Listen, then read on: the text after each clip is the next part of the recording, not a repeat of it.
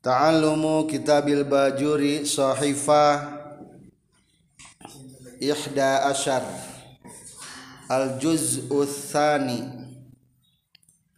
Bismillahirrahmanirrahim Alhamdulillahirabbil alamin Allahumma salli ala sayyidina Muhammad Qala al-muallifu rahimahullah wa nafa'ana bi ulumihi amin ya rabbal alamin Faslun ari ieu eta hiji fasal fi ahkamil gosbi dina netelakeun pirang-pirang hukumna gasab. Wa huwa ari ngaran gasab lugotan menurut lugot akhdus akhdus syai'i. Eta nyokot hiji perkara zulman barina zalim mujaharatan barina tetegrakan.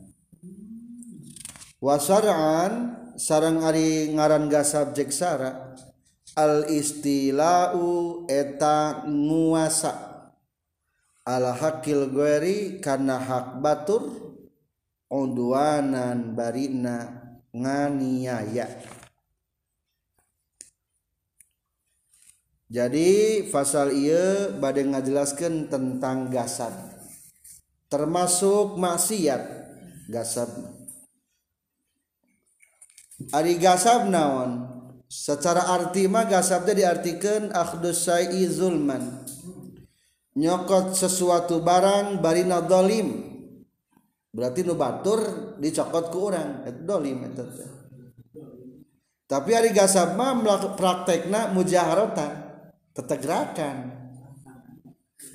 Kalau arti masjid balap nyokot sendal nubatur hayang make sendal apalin batur ge? Ngan ieu mah nu urang tah. Gasab eta ngan ari gasab mah sok dipulangkeun deui. Geus lila make pulangkeun we deui. Gasab lamun teu mulangkeun deui lain gasab tapi naon? Maling eta mah berarti sirqa tah. Menurut sarama menguasai hak orang lain. Barina dolim. Buku nubatur dipapakewe terus unggal ngaji dipapake. Unggal ngaji geus papake sampai ka naik kelas eta. Nu batur bae tanpa izin. Ari barang geus kitu geus beres kelas lama diasupkeun deui ka nu batur deui. Tah eta naon ngaranna? Gasab menguasai kepemilikan orang lain dengan dolim. Penggusuran tanah di Palestina dikuasai ke orang-orang Israel. Al-Qudus. Ta eta berarti gasab dah penguasaan harta. Gasab. Meskipun pada akhirnya dibikin deh. Kadang-kadang para petani mencugan sabah batur atau maling eta mudanya geus pencugan gal gal panen. Usul macul pencugan usul macul pencugan. Gasab eta. Melak di tengah batur sami gasab. Melakan tanah batur teu bebeja. Gasab. Mana dalil yang mengharamkan tentang haramnya gasab di jajaran ketiga ada firman Allah Subhanahu wa taala La tangkulu amwalakum bainakum bil batil. La takulu ulah ngadahar maraneh kabeh amwalakum kana pirang-pirang harta maraneh kabeh bainakum antara maraneh kabeh bil batili kalawan cara batil. Makan harta ulah dengan cara batil berarti termasuk jasad tadi. Melak tatangkalan di tanah batur tanpa ada izin jasad. Atau di kota mah tanah-tanah pemerintah di pelakan lamun teu diizinan jasad itu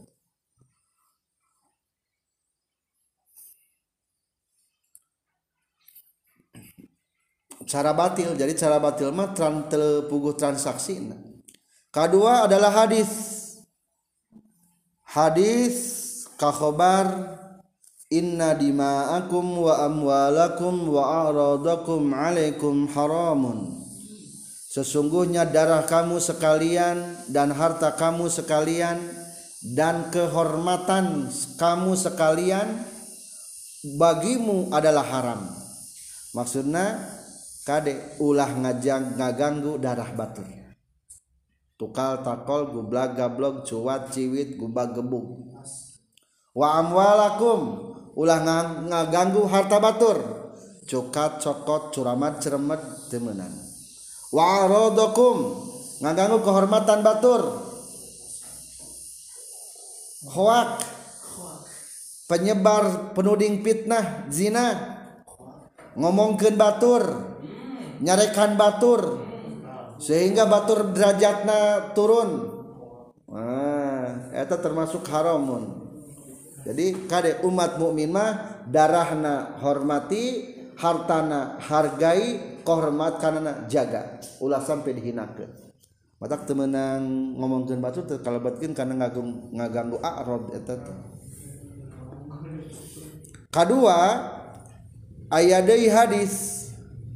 Man ghosoba qaida shibrin min ardin Barang siapa yang menggasap seukuran sejengkal min ardin daripada tanah tawaqahu maka Allah akan mengalungkan kepada sejengkal tanah tersebut min sab'i aradina yaumal qiyamah sampai tujuh lapis bumi pada hari kiamat.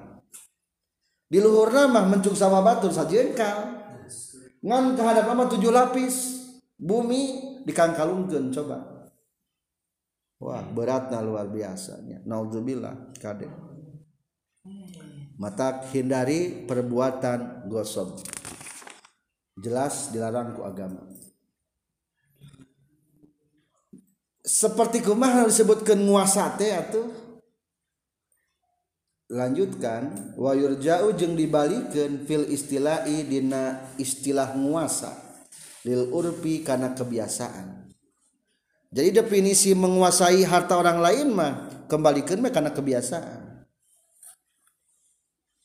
Wadakhola jeung geus kaasu fil haqi dina hak. Naon ma perkara yasihu anu sah non gosbuhu ngagasabna emak. mimma nyatana tina perkara laisanu lain ieu mah bimalin eta harta. Kajil di mayitatin sapertikeun kulit bangke. Ari kulit bangke najis teu najis. Lamun candi sabak mana najis. Berarti ku agama mah candi anggap naon? Harta. Tapi meskipun tadi anggap harta tetap digasap mah menang wadakhola fil haki termasuk karena hak kene mayasihu gosbu sesuatu yang sah dikatakan ngagasap meskipun bukan nilai harta mimma laysa bimalin. Seperti gen jildi maita. Anjing anu menang ngalatih. Ari anjing secara pandangan agama suci najis, berarti harta lain. Lain, harta itu bisa dijual belikan tapi tetap digasap manaon temenang anjing batur dituntun dipakai ngajaga kebun orang umpamana. Temenang meskipun eta. Sami dipacakan unggul saja izin temenang kaja bola pun hayangna eta mah naluri gitunya naluri eta jadi ayah nu bisa eh, hubungan terlarang gitu. Ayah nu kudu diasong-asong gitu. Sapi mah diasong-asong. Dipacekeun dikawinkeun. Wa kharaja jeung kaluar bi udwanin kulapad udwanin. Barisan hijikeun. Lain bi udu bi udwanin. Matak barisan. Wa kharaja jeung kaluar bi udwanin kulapad udwanin. non al istilau nguasa biakdin kalawan akad. Jadi beda ari gasab penguasaan harta orang lain dengan cara khianat. Ari ku cara akad mah naon-naon. Kopiah batur dibeli dikuasai ku orang kajen dari mana naon? Meuli eta mah lain gasab berarti. Mobil batur dipakai ke orang tapi geus dibeli. Menang menang. Lain gasa lain jadi lain kata biudwani tapi binauin bis akdin memakai akad. Menang hari memakai akad lain gasa berarti jual beli. Simpul nama segala sesuatu kudu sing puguh akadna. Lamun tepuguh akadna bakal nimbulkeun karena penguasaan harta orang lain secara batil. Di antara gasab Bagaimana kewajiban orang yang menggasab lamun hayang tobat. Waman jeung sajal magosoba nu ngagasab malan kana hiji harta li ahadin pikeun hiji jalma lazimata misti huka eman non radduhu mulang kenana malan lima likihi ka pemilikna malan. Hiji kewajiban zaman ngagasab buru-buru pulang kenderi pulang kenderi walau goroma jeung sanajan ketempuhan jalma ala roddihi karena mulang kenana itu malan ad'afa qimatihi kalawan tikal-tikal hargana itu malan. Meskipun hayang mulang kena teh butuh biaya banyak pulang kenderi ukur munggah haji kalah nyokot tas batur. Si horeng teh tas orang Amerika. Aing sebawa di Indonesia duh hanjakal eh. kabawa tas orang Amerika. Wayahna kirim ke paket ke ka ditu pulang ke deui kana alamat na pulang ke deui penguasaan harta meskipun orang ketemuan beberapa harga bikin pokoknya kumaha lamun cacat di orang minjem pacul teu bebeja tapi kasa potongna. Gasa beta teh. Kumaha lamun potong kitu? Walazima jeung misti hukajalma erdon deui non irsu naksihi panyecep kakurangan itu malan. Inna koso lamun berkurang itu malan. Kaman seperti kenjalma labisanu gosoba nu ngagasa bi iman sauban kana pakaian. fala bisa tuluy make eman hukana ieu saoban. Au naqasa atawa berkurang ieu saoban bigori labsin kalawan teu dipake. Ngagasa baju Arab teh nyarande kana tembok banyak dicet atuh napel bayahna pulang ke bajuna bere panyecep panjasa teh atau kumahannya ada baju terjadi kieu ku abdi di anggot teh kira-kira sabaraha ieu panjasa berarti lain harga baju. Da baju da mah dikembalikeun deui tadi ge panjasa mah kabungahna nepi ka mana ah kajian mah 1000 ge abdi setengahna. Gitu menang panjasa teh jadi ari panjasa teh naon ngaranna teh pangupah. Diupah ieu na teh ame hatena teh bungaheun deui. Nu digasabna teh pangupah meskipun tadi pakai kacet umpama teh baju anger panyecep. Jadi kedua usahakan berikan panyecep pangupah walazima jeung misti hukaya siman aidon deui non ujratu mislihi. Buruhan pantarna ieu malan lamun emang sok di sok make buruhan sesuai buruhan.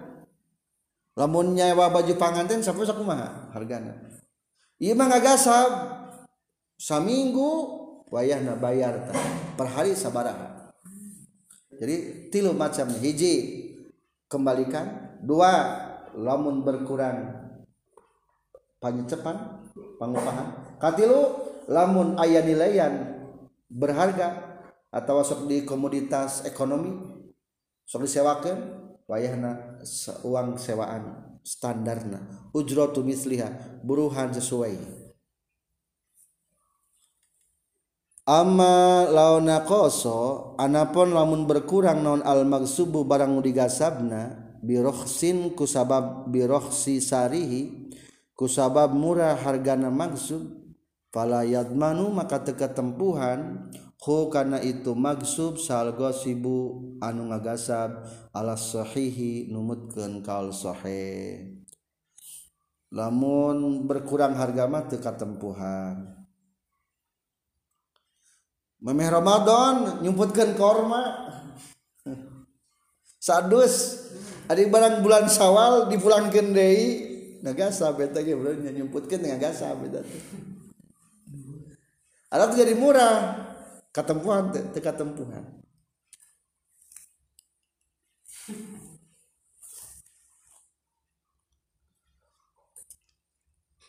wa fi ba'di nuskhi jeung eta tetep nyasaware sayan matan waman gosoba ari lapan man gosoba.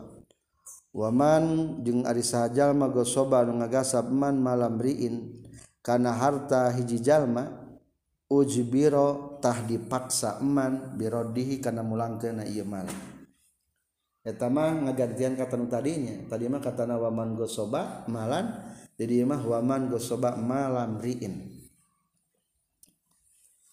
Fain talifa maka lamun rugsak non al magsubun barang nu digasabna domana tah katempuhan hukana ieu magsub saha al gosibu nu ngagasabna lamun sapejetna ieu mah.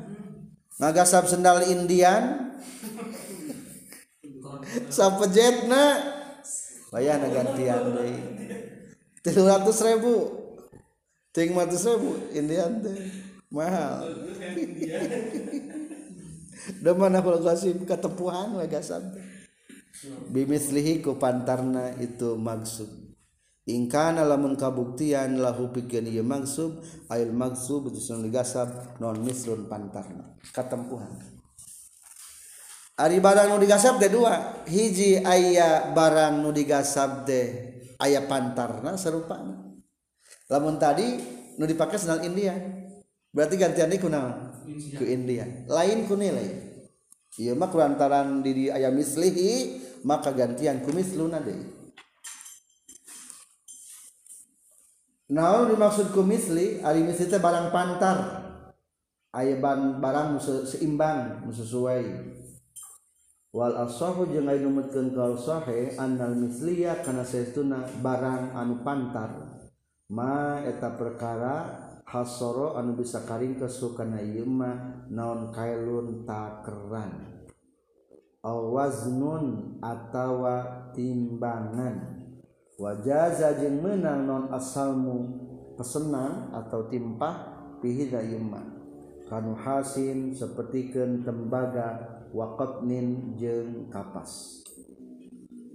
Ari misli mah barang-barang pantar mah barang-barang loba sarupana bisa ditakar bisa ditimbang bisa dideskripsikan. Merek kebisanya terukur sendal baju terukur ya sah ke sal karena pakaian? Sah. Maka menang. La ghaliyata.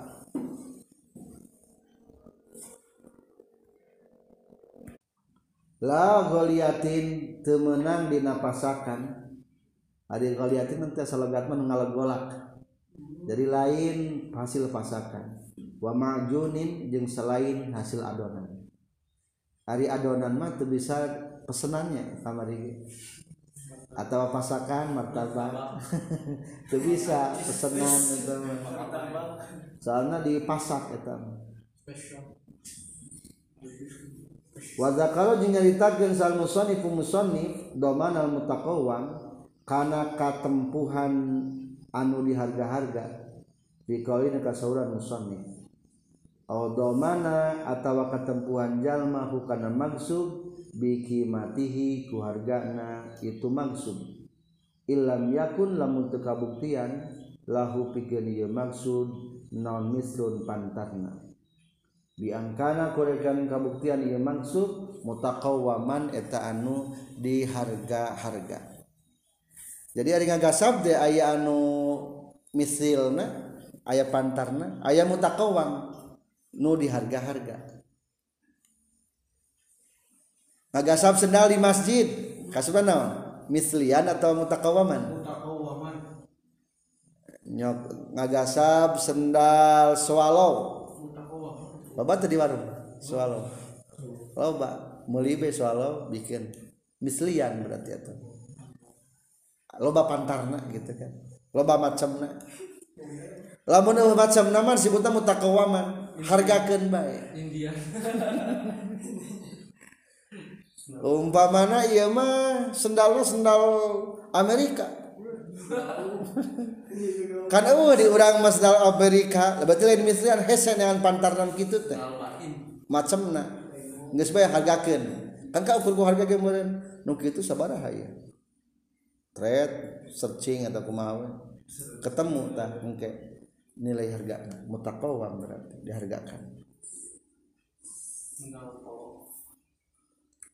Iya mah paculna teh kan pacul nu anyar mah rubat sakieu. Ieu mah geus 20 tahun pacul teh geus 3 leutik itu pakai ngoret.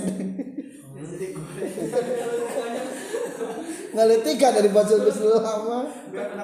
Ulah hayang digantian kudu badag. Cing nu pacul nu leutik eta aya moal di toko nu mual ayah ayah gini badan kan iya maksud bisa ngelitikan gini maksud ayah. Asal mah badan ngan ngelitikan tak jadi ulah hayang di, digantian kuno badan. Berarti mutakawam harga hargakan ditakwim tadi hargakan kawama kima hargakan Waktalafat jeung narima beda-beda non kima tuhu hargana magsub aksaroma kana panglobana perkara. Kanat anu kabuktian ieu kima min yaumil gasbi tina poean ngagasab ila yaumil talpi nepi ka poean ruksak. Ari tadi mah palebah bab pinjemannya. Lamun lalawara teh ngagantian teh harga poean ruksak. Ari ngagasab mah wayahna disangsina cari harga termahal di barang waktu ngagasab sampai ruksak. Da ieu mah tadi gitu diizinan ti barang nyokotna ge. Wal ibratu jeung ari rekenan fil qimati dina harga bin naqdil ghalibi ku duit anu galib. Masalah ngahargakeunana rekenanana perhitungan ari ibrat teh rekenan maksudnya perhitungan perhitungan tentang harga adalah ku uang anu galim. Ayo di orang kunaon rupiah. Hargakan secara rupiah. Fa in golaba mangkalamun galib naon nakdani dua duit dua mata uang watasawaya jeng papak itu nakdani. Kola nyario saropi imam ropi ayana tahnang tuken bay sal kodi kodi wahidan karena salah sahiji min huma tina itu nakdani. Tentukan ku hakim lamun ayat dua mata uang nu berlaku mah.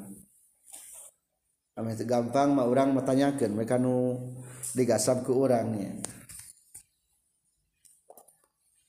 Alhamdulillah selesai tentang gasab termasuk larangan harus ditinggalkan. Faslun ari ieu eta hiji fasal fi ahkami syuf'ati dina pirang-pirang hukum meuli paksa. Lain jual dedet, ieu mah meuli paksa. Hak beli otoritatif. Nah ngaranna teh hak beli otoritatif, otoriter. Jadi dina meuligi aya nu bisa menang meuli maksa.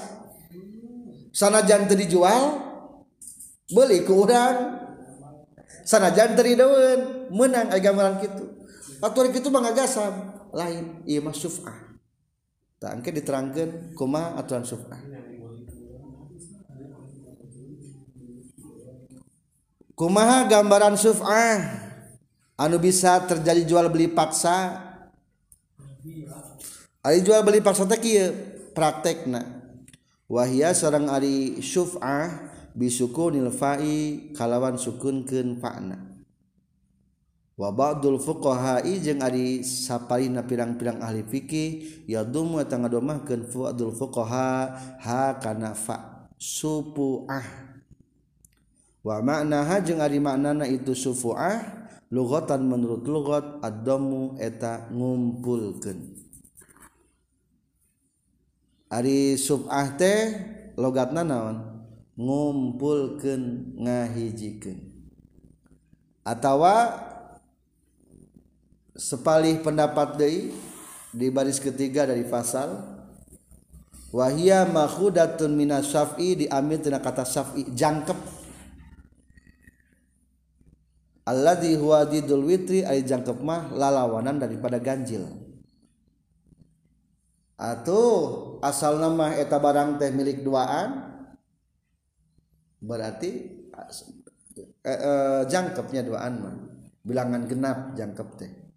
Kali-kali dihijikan jadi we subah dibeli paksa ke orang lianna nasibas syafi' yasiru saf'an ma'al nasibil masfu' bagian hiji deui bakal jadi eta dua bagian serta bagian anu di subahna asal na kitunya subah.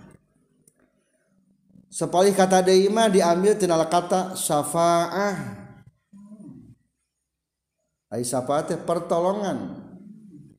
Li'annahum kanu fil jahiliyah soalnya orang-orang zaman jahiliyah yakhuzunahum bis syafaati indal mustari mengambil jual beli paksa sebagai pertolongan di hadapan pembeli.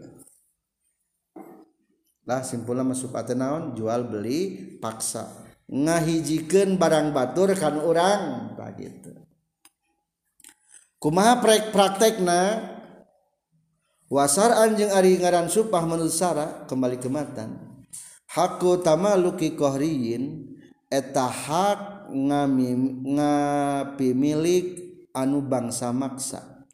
Yasbutu anu tumatap itu hakku tamalukin kohriyin li syarikil qadim pikeun anu rerejengan anu tiheula mitra sarik teh anu ngarejengan. Garis miring mitra anu baheula anu hebel ala syarikil hadisi kamitra. Ari mitra teh anu ngarejengan anu anyar. Bisa babi syirkati kalawan kusabab rerejengan bil iwadi kalawan make pengganti. Allazi anu mulika nuges dipimilik non bihi ieu iwad wa syariat jeung digelarkeun ieu sub'ah lidaf iddorori pikeun nolak kamadaratan. Ari sub'ah teh kieu praktekna. Ilham dibere ku guruna domba. Aduh ku guruna domba? Bageur gurunanya ya yeah, muham ta domba hiji keduaan keduaan ta. Ada pada nupalbah mana nak keduaan. Berarti sumarambah umum. Pokoknya mah domba kudu keduaan. Ari cek ilham telah embung urang mah cenah jeung ilham mah. Ah nu bagian urang mah dijual we ka ajis. Jis jis. Atau boleh doman orang ngan dua sewa ngan sepotong sewa jeung mumu. akhirnya dibelilah dijualah ku ilham ka ajis. Sajuta meren da mah teh 2 juta. Ari barang kitu mau apalin hah? Nah ieu nama geuning jadi jeung ajis urang teh milik domba teh. Embung jeung ajis mah. Kalambungan mumbuna teh. Cing saha anu saha antara ajis jeung mumu anu pemilik pertama? Mumu. berarti kelantaran memuna embung menang mumu melipaksa ke ajis. Jis tadi sabarang duit tangka ilham. Ya kurang di duit tandai tah sajuta. Tah eta teh karena jual beli paksa. Menang eta teh. Supaya non pangnaya gitu supaya lidap idoror menghilangkan kamadaratan. Soalnya aling mungkin mamal mal naon? Mal bener. orang masukkan coba karena definisi. Hakku tamalukin kohriyin mumu ngahak kepemilikan paksa. Hayang baga sebag, hayang meli sebagian eta domba ti ajis maksa ke ajis. Sahanu maksana yasbutu li syarikil qadim. Eta meuli maksa teh menangna ka pemilik anu heubel mitra anu heubel. Sari mitra anu heubel?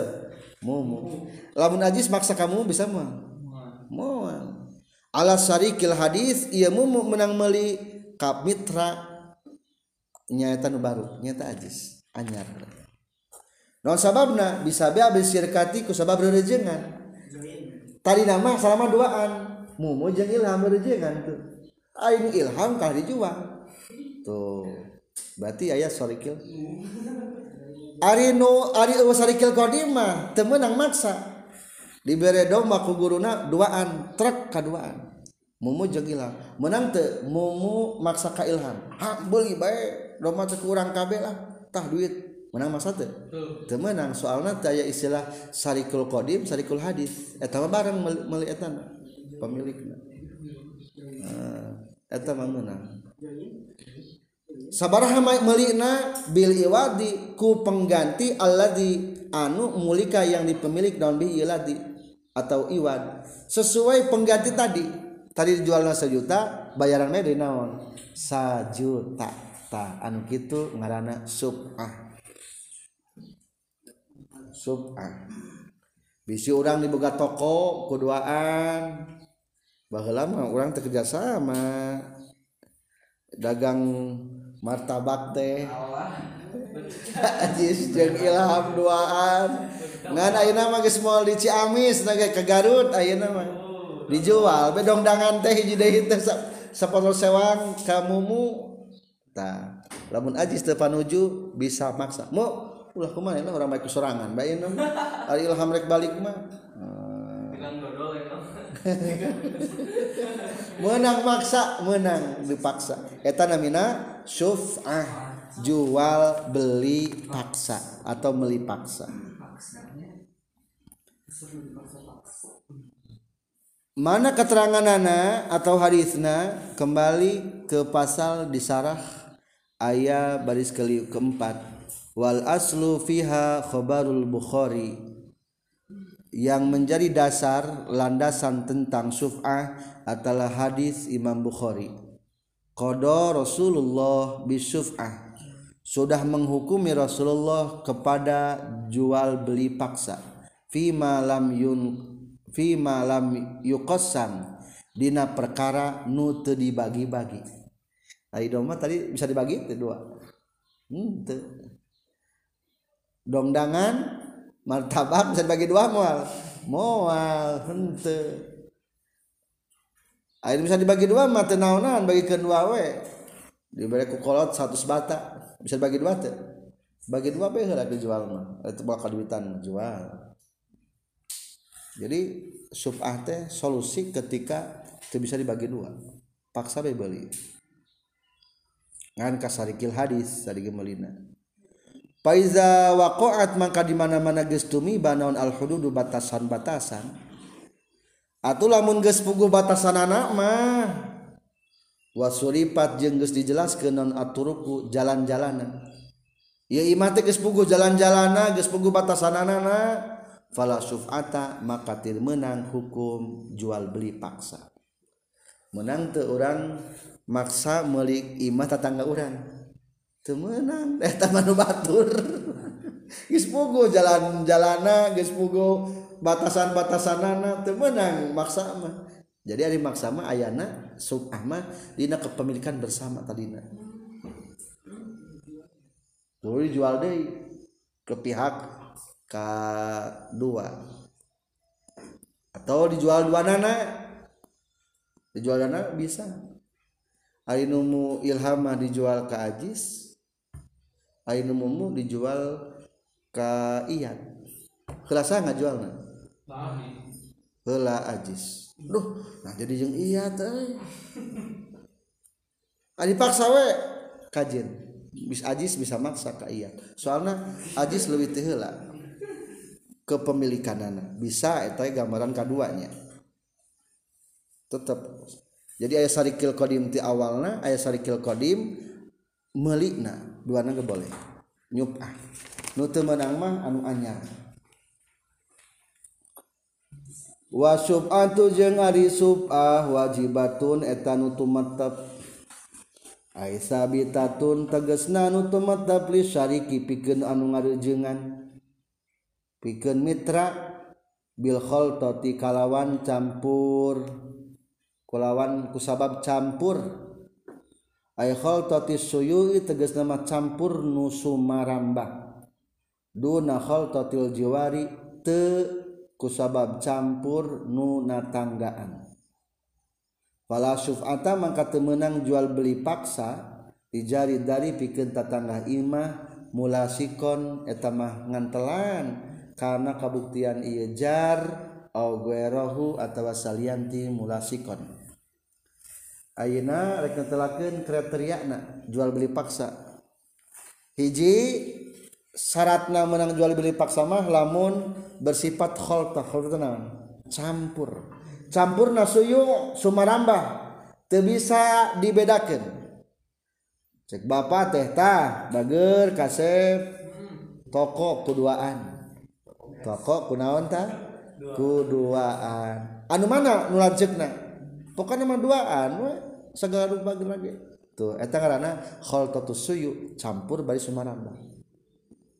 Lamun kieu cek bapana ta sawah kuduaan. Tuh nu balebah kulon jang adi tah nu lebak jang lanceuk eta malain khaltu hari kitu mah tatangga berarti. Tinggal bagi hari kitu. mah kholtoh nu campur. Ayo jeung tetangga campur teu imah? Henteu eta mah teu meunang berarti ka tetangga mah. Di sawah? Sawah? Campur teu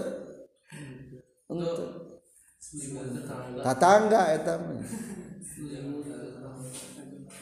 Kan kadang-kadang nu beunghar mah sok kadang-kadang bingung ku sawah saeutiknya. tuh senang sawah saetik kan 50 bata nu sahaya urang beli tuh eta nu beunghar matak nu beunghar mah sok ngaruksakan leutik. Lamun tuh baga iman. Lain baga iman mah duh karunya sawah saetik ke ah bere meuli tambahan gitu ari ieu mah saha saya sawah saetik 50 bata kagok seneng ngahalangan. Tah eta beuli mah eta. Anu kurang kanyaan. Jadi hiji tanahna bersifat campur. Kedua wa inna ma tathbutu jeung pastina tumattap naon asubatu sub'ah jual beli paksa.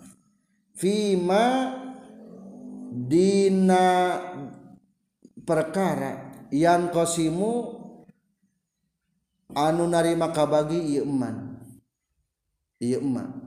Ya teh lamun dipanjang kena kieu ngalagotan teh fima di jalma anu ngabogaan barang yan kosimu nu bisa kabagi. Ieu mah panjangkeun mulogatna kumaha? Fima yan kosimu teh fima pikeun jalma anu ngabogaan barang bisa kabagi. Iya emak. Ayak balu tegas nama kata narima iya emak. alkismata karena bagikan. Du nama dipanjangkan logatna. Tepi jalma anu ngamilik perkara layan kosimu nute narima kabagi ieu emang kahamamin sogirin seperti ken wc leutik fala syuf'ata maka teu aya sub'ah eta tetep. fihi na ieu mala yan kosimu catatan kedua kade ulah salah paham lain berarti barang nudik subahna pima yan qasimu teh dina perkara nu narima dibagi. Lain berarti barang subahna bisa dibagi. Duna malayan qasimu teu dina perkara teu bisa dibagi. Maksudna mah kieu? Tak jadi fimayan kosimute anu bisa melipak sama jalma anu hartana bisa dibagi. Hartana bisa dibagi. Cing ayah imah adi jeung lanceuk hargana 100 juta. Ari lanceuk nama merete 80 juta. Berarti sabaraha persen kepemilikan eta imah salapan per 10 cing salapan per 10 gede teh ya? gede. Bisa dibagi teh? Bisa. Dibagi. Adi nama merete kan 10 juta. Letik teh? Letik kamar ngumpul. 10 juta mah. Coba lamun dibagi jadi manfaat moal bangunan. Moal umpama na Arab dijual we nu bagian adi nama kasih Umar dijual Umar nu lancar raman teu teu apal apal jing pertanyaan. Anu kudu anu bisa meuli nah anu gede kanu letik atau anu letik kanu gede? Anu gede kanu letik kade. Atau lamun anu gede mah upah teu anu gede mah dijual teh kasih bakar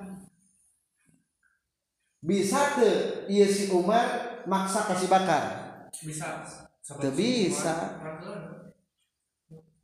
Atau rugi ya kan gede ya mah.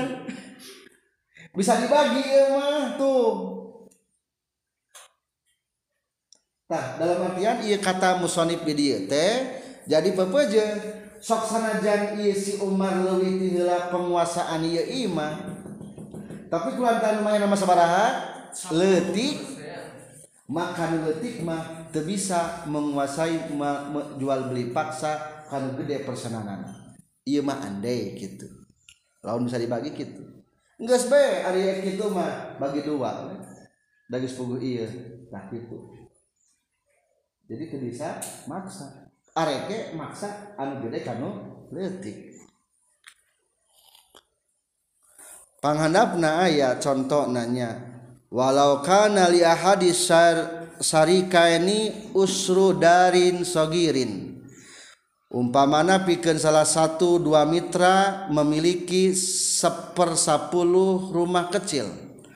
Walil akhari tis'atu asyariha untuk orang lain salapan per sepuluh rumah kecil tersebut.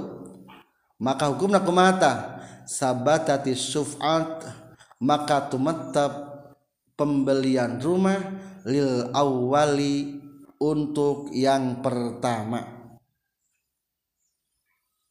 Maka nu di subah teh mana cing? Anu leutik tah nu ieu.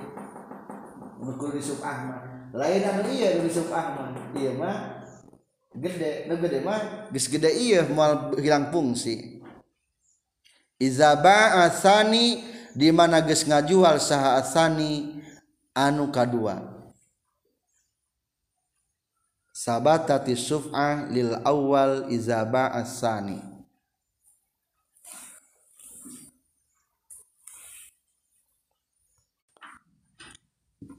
Jadi suf'ah itu adalah fima yan kosimu dina pikeun jalma fil mustarif pikeun mitra allazi yan kosimu anu memiliki barang bisa dibagi-bagi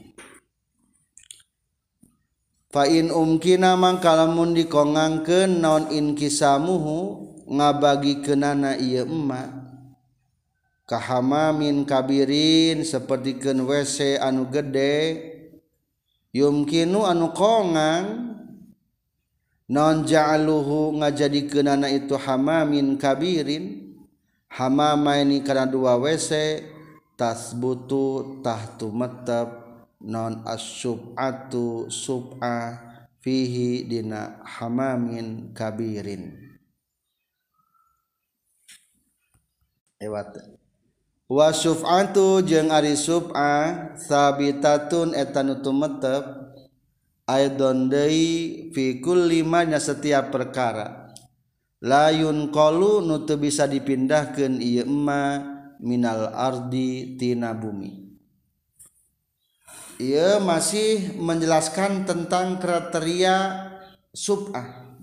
Kahiji subah teh cenage dina nu khaltah dunal jiwar.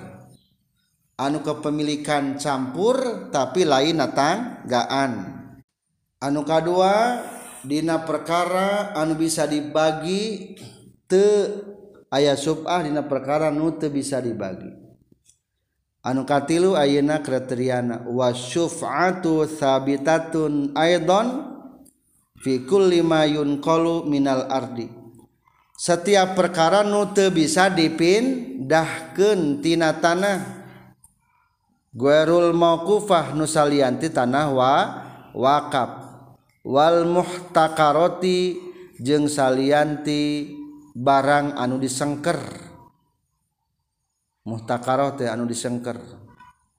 Kal ikori sapertikeun pakarangan. Wa guerihi jeung salianti ikor. Minal binai nyatana tina pirang-pirang bangunan. Ari bangunan bisa dipindahkan teu ente. Imah milik duaan menang di subah. wasajari jeung tatangkalan. Teu bisa dipindahkeun eta malayun qalu minal ardi. Tab'an karena anut lil ardi kana bumina wa inna ma yahuzu jeung pastina nyokot saha as-safiu jalmi nu nyupah. Jalmi nu nyupah teh jalmi anu meuli maksa.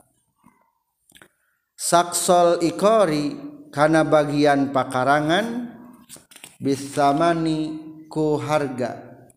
Allazi anu waqa'a anu geus tumiba alaihi kana lazi naon albai'u ngaju ngajuang. Jadi lamun orang rek meuli paksa ka babaturan nu anyar ngagunakeun naon? Bisamani ku harga. Eta harga teh nu tadi berlaku allazi waqa alaihil bai' terjadi jual beli. Lamun tadi dibelinya sajuta maka bayarnya sajuta perkara deui.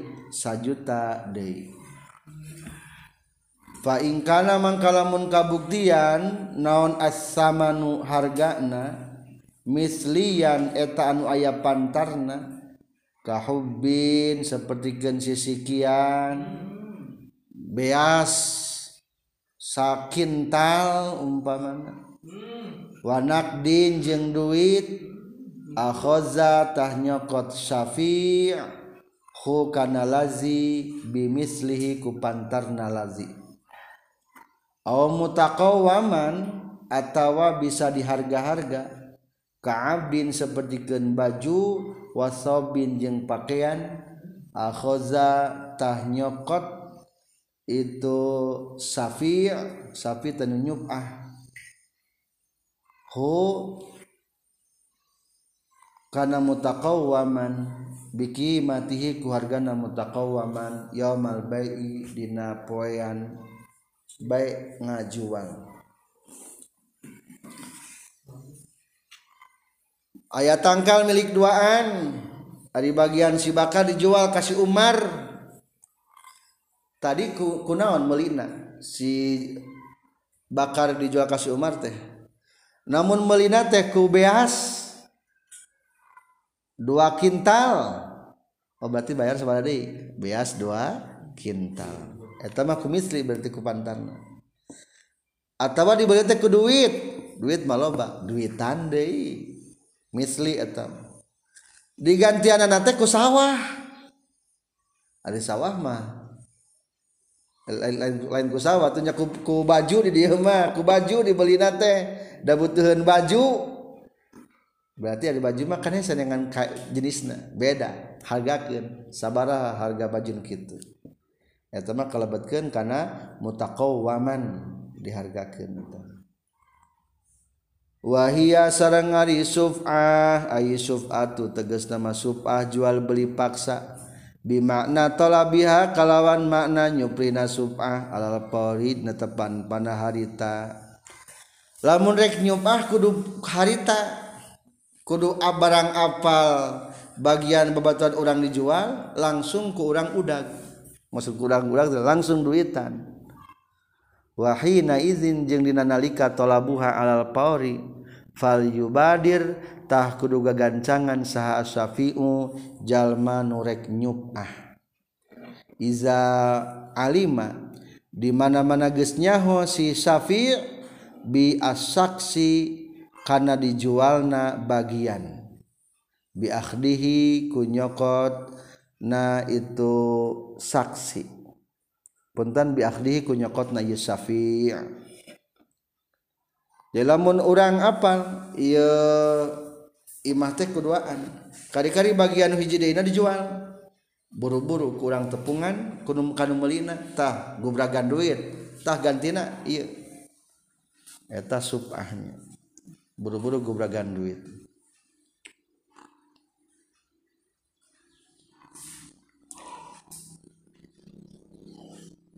wal mubadaratu jeung ari gagancangan fitolabi syufati dina nyuprihna subah nyuprihna beli paksa.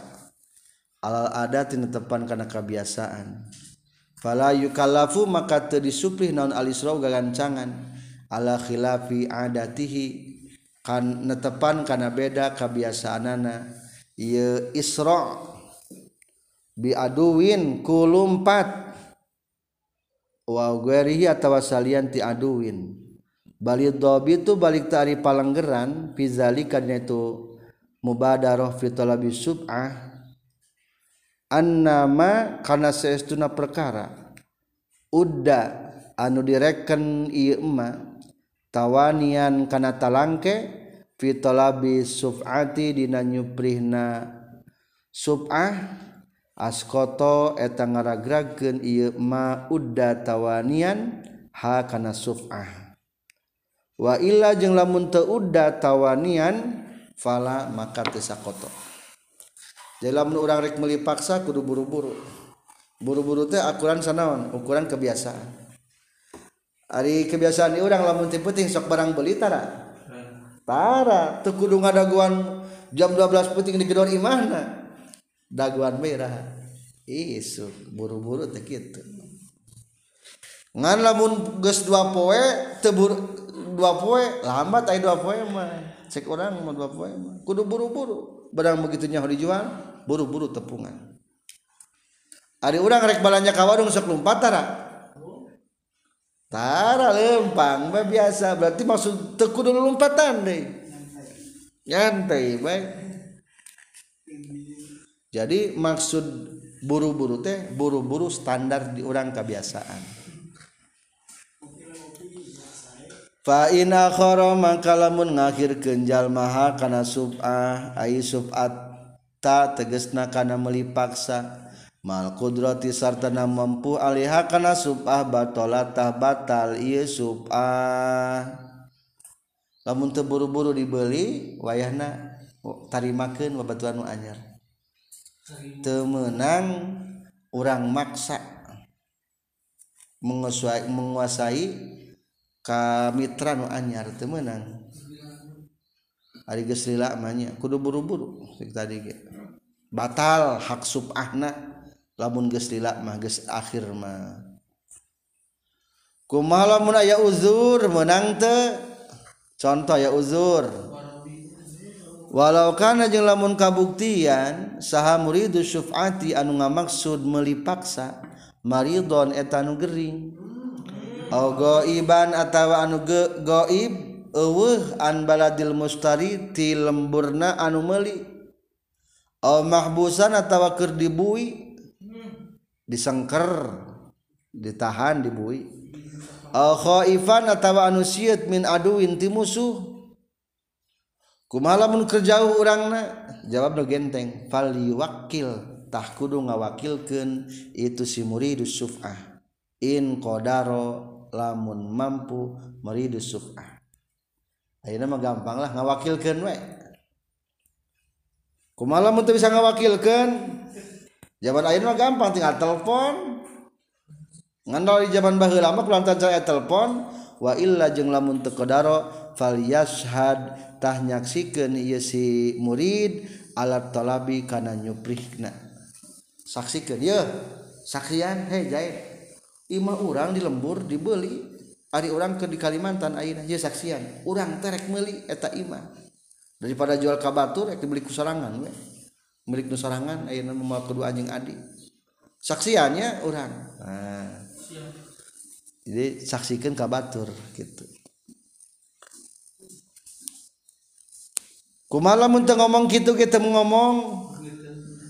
Berarti teu duit tadi gitu mah paling ngomongnya nu teu duit mah terang ngomong.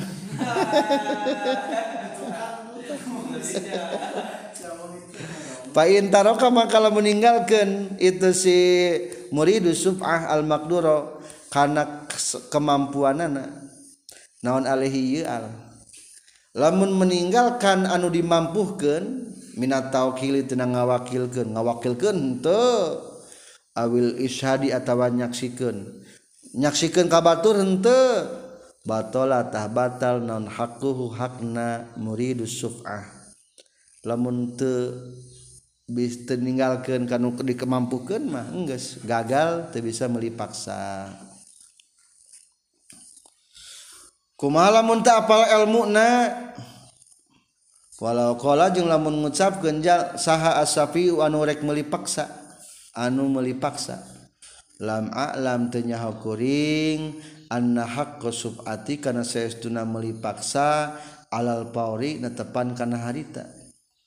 Wa kana jeung kabuktian ieu safi mimman eta tijalma yakhfa anu samar alika ieu emma naon dalika itu haqqo sub'ah alal pauri sudiko tah dibenerkeun bae itu si safi biyaminihi kalawan sumpahna safi'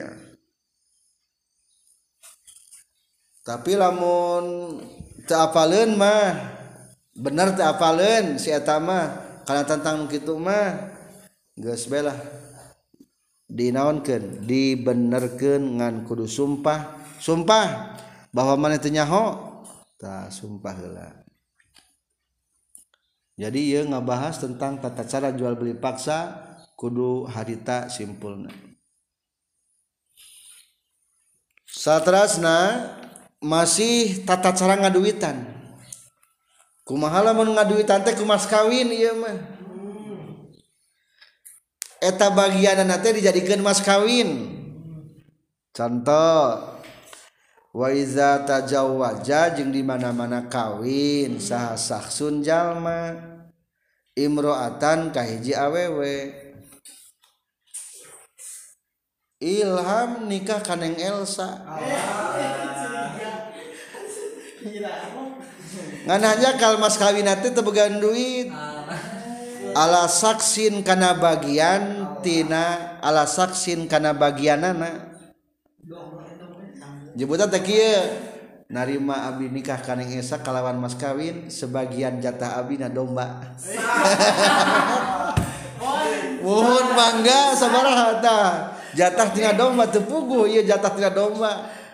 Kan teh domba teh keduaan tadi mana ilham jeung mumu kali-kali nu ilhaman dipake mas kawin. Kaneng Elsa. berarti Aina menu milik domba keduaan kamu mu jengneng Elsa. Tak kuma carana ta? Carana akhoda tahnyokot bae iya si safi eh akhoda tahnyokot bae hukana iya sakso saha asafi usafi anu melipaksa.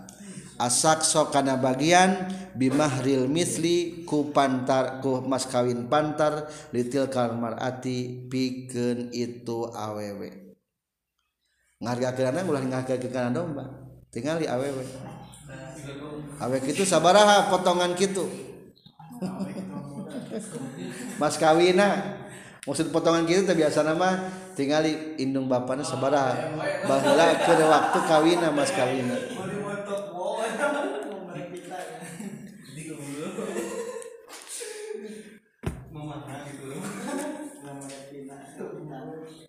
waingkana jeung lamun kabuktian saha asyfaau pirang-pirang anu melipaksana jamaatan eta loba pisan berjamaah istahaku tangah hak ieu sufa ha kana itu sub'a lamun baladna anu memiliki tanah telobaan maka seluruh jalma bisa berhak melipaksa. Lamun lobaan mah. Sakuma melipaksana ala qadri hisosihim netepan kana bagianana itu sufa'a minal amlaki tina pirang-pirang kapemilikan. Orang contohnya hiji barang milik tiluan umpamana. Berarti tiluan mah sufa'a jama loba nu ngamilikna contoh falokana lamun kabuktian liahadihim pikeun salah sayina sufa'a non nisfu ikorin satengah pakarangan. Orang contohkan iya suatu halaman rumah atau kebun. Milik tiluan. Milik tiluan teh iya kamar kebun orang bagi kita hiji dua tilu opat lima genap. nuka hiji mah di, dimiliki na berarti ku saurang. Setengah na berarti pak setengah na beli Walil akhori jeung eta tetep anu hiji deui sulus naon sulusuhu sapertiluna tina ikor. Seperti lu kan genep kabehna cing. Ai sapertilu tina genep sabaraha? Sapertilu tina genep.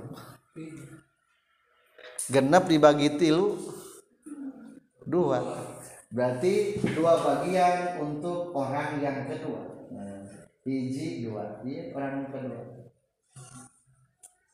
Nah iya teh iya ngarana ke bagian setengah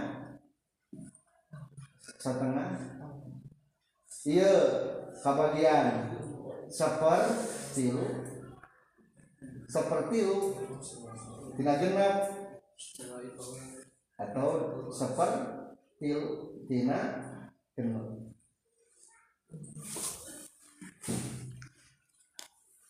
Wail akhari jeung pikeun anu hiji deui mah sudusuhu sapergenep. Tah ieu saurang deui nu katilu. Sapergenep. jadi ayah hiji kebun satengahna dipimilik ke nomor sabaraha hiji. Anu kadua memiliki sabaraha seperti lu seperti lu kan itu lamun genep puluh bata teh berarti seperti lagi itu genep puluh bata?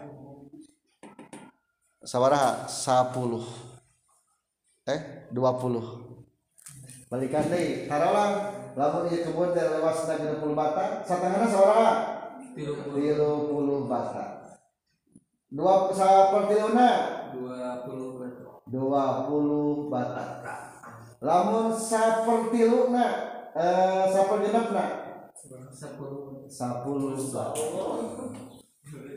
10 bata 10 bata cing kari-kari faba'a tuluy ngajual saha sahibun nispi pemilik setengah hisatahu kana bagianana itu sahibun nispi. Ari nu satengah tanu ieu dijual. Seberapa bata hakikat setengah teh berarti. Tiga puluh bata. Cing dijual. Kabatur. Kacep ilham dijual Ay nomor dua jam nomor tilu terus teresepen makanya jadi ayah pendatang baru eng menang dengan duitan ke ilham ya nomor dua jam nomor tilu menang. Sabaraha menang jatah melina? Berarti sesuai ke jatah melina jeung bagian manehanana iya sabaraha iya. Biji dua. Baik sabaraha ta melina dua puluh bata tadi seperti itu. Anu iya anu tak dua sepuluh bata atau satu sepat meuli sabaraha sepuluh bata kudu kitu ngaduit tanah nanti. Ulah ke jadi tetap ulah dibagi keduaan ulah. Hak beli paksana teh ada dibeli keluar mah naon-naon. Ngan andaikan para saya karena tanah masuk yang buru-buru meli maka sesuai agama mah kitu aturanna anu boga seperti lu menang meli dari sabaraha. Jadi dua pertilu atunya dua pertilu nu sepergenap menang meli sabaraha. Seperti lu nah tak iya. Hiji iya dua. Berarti atuh lamun nu tilu puluh bata anu kabagian tadi asalna 220 bata mah menang bayi 20 bata deui. Nu asal 10 bata menang meuli 10 bata deui. Eta. Hisotahu akhodaha tah nyokot ha kana itu hisotahu saha al akhoroni dua anu sejena. Aslasan kalawan dibagi tilu. Dibagi tilu cek tadi ge. Tah. Dibagi sabaraha dibagi tilu. Gede sepergenap gede seperti lu sih. Seperti lu mandi bagi seperti lu berarti iya mah dua lipat dan sepergenapnya. Maka beli barangna atau dibagi tilu. Anu sepergenap kebagian salipat anu seperti lu kebagian dua lipat tah entos dua lipat. Dibagi tilu. Alhamdulillah demikianlah tentang sub'ah